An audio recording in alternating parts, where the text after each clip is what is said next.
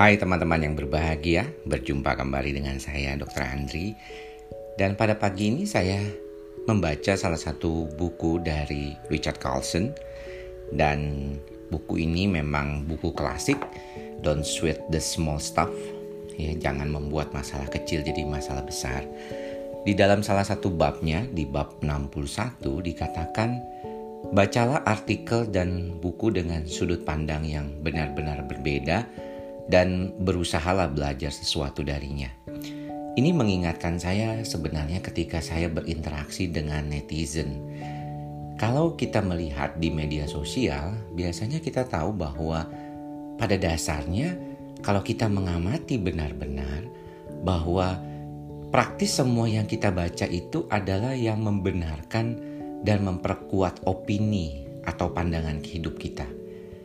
Jadi misalnya kalau saya ini senang dengan masalah-masalah psikologis, masalah psikosomatik, maka saya akan membaca buku-buku yang berhubungan dengan keadaan itu. Dan untuk hal-hal yang tertentu, misalnya saya punya pandangan terhadap situasi atau satu kondisi, atau saya punya pandangan terhadap orang-orang tertentu, saya akan berpikir bahwa kalau saya akan membaca buku tentunya yang membawa saya pada kesimpulan bahwa saya benar telah mendukung situasi atau orang tertentu tersebut.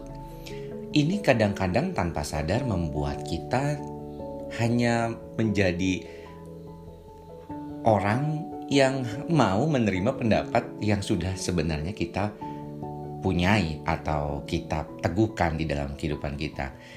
Ya tidak heran juga tentunya kalau kita berbincang dengan orang lain, kita malah menjadi berdebat dengannya karena saling masing-masing mempertahankan pendapatnya sendiri. Tidak ada yang mau mengalah, tidak ada yang mau merasa benar, tapi juga bukan berarti benar-benar memahami apa adanya situasi atau peristiwa tersebut. Kadang-kadang dibilang, "Ini tempat saya, ini pendapat saya." Ini orang saya, ini adalah ide saya. Dan ketika dia berbicara dengan temannya, mungkin dia berharap awalnya mau tukar pikiran gitu.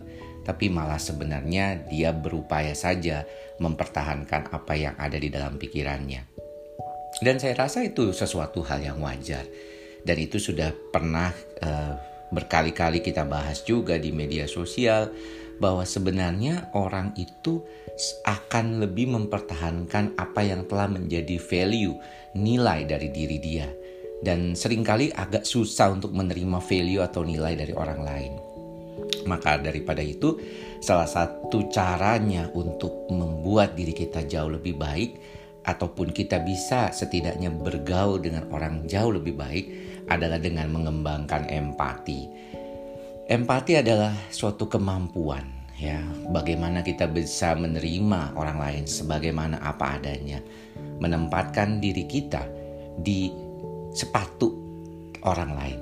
Bagaimana kalau kita misalnya melihat situasi yang mungkin tidak sesuai dengan value kita.